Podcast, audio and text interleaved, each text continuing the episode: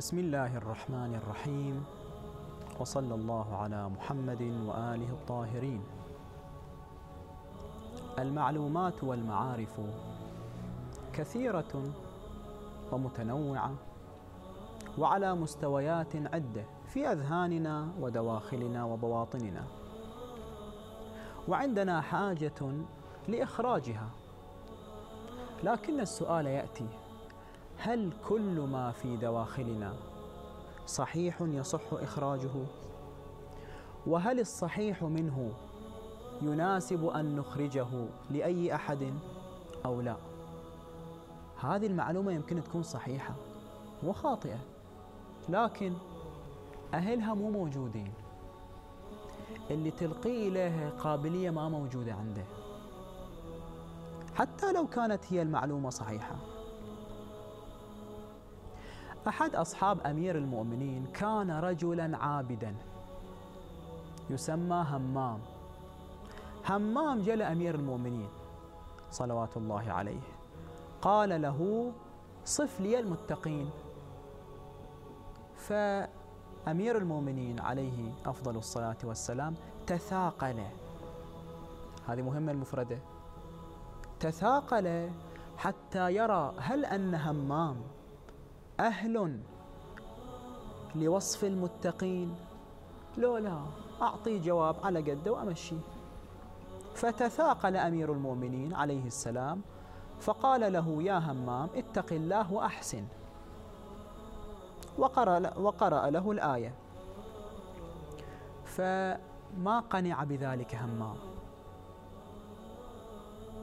وألح على الإمام على أن يصف له المتقين. أمير المؤمنين يصف له المتقين مو أي واحد.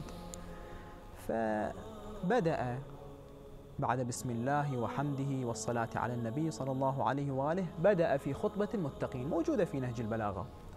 لما وصل إلى مقطع من المقاطع ولعله ليس الأخير بحسب ما كان يريد أن يلقيه أمير المؤمنين لما وصل إلى مقطع من المقاطع أخرج نفسا همام وكانت ساعته فيها. خرجت فيها نفسه. لما وصل إلى مرحلة من المراحل الذي سمع وصف أمير المؤمنين للمتقين حتى كأنه يراهم خرجت فيها نفسه. فقال أمير المؤمنين عليه السلام بعدما مات همام قال أما إنها أو أما إني كنت أخشى عليه. هذه الحادثة التي حدثت له.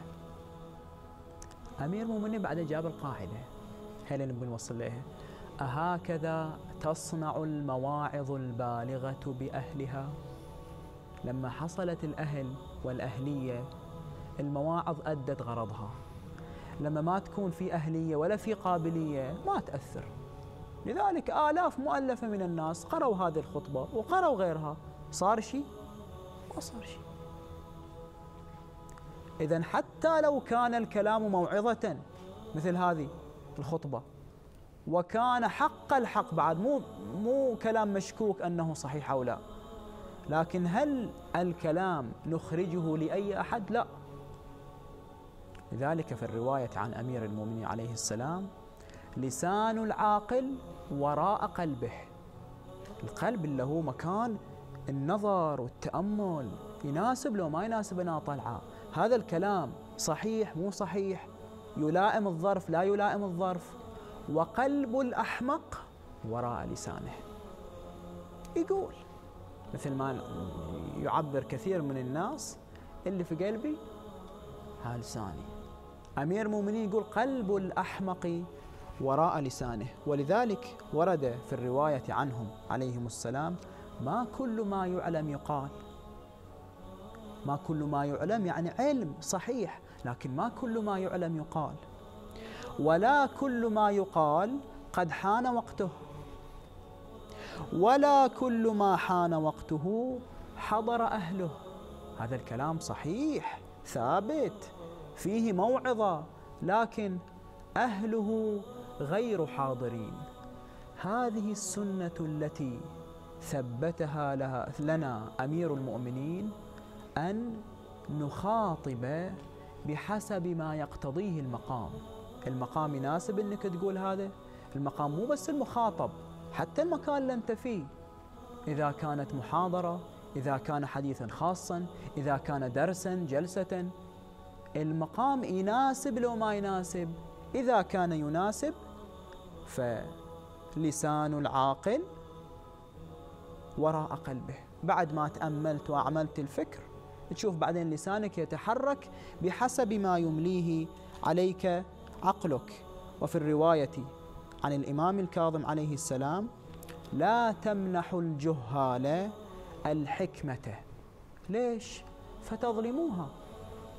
صحيح هي حكمة لكن لأنها للجهال تكون ظلما لها. ولا تمنعوها أهلها أهل الحكمة فتظلموهم. والحمد لله رب العالمين.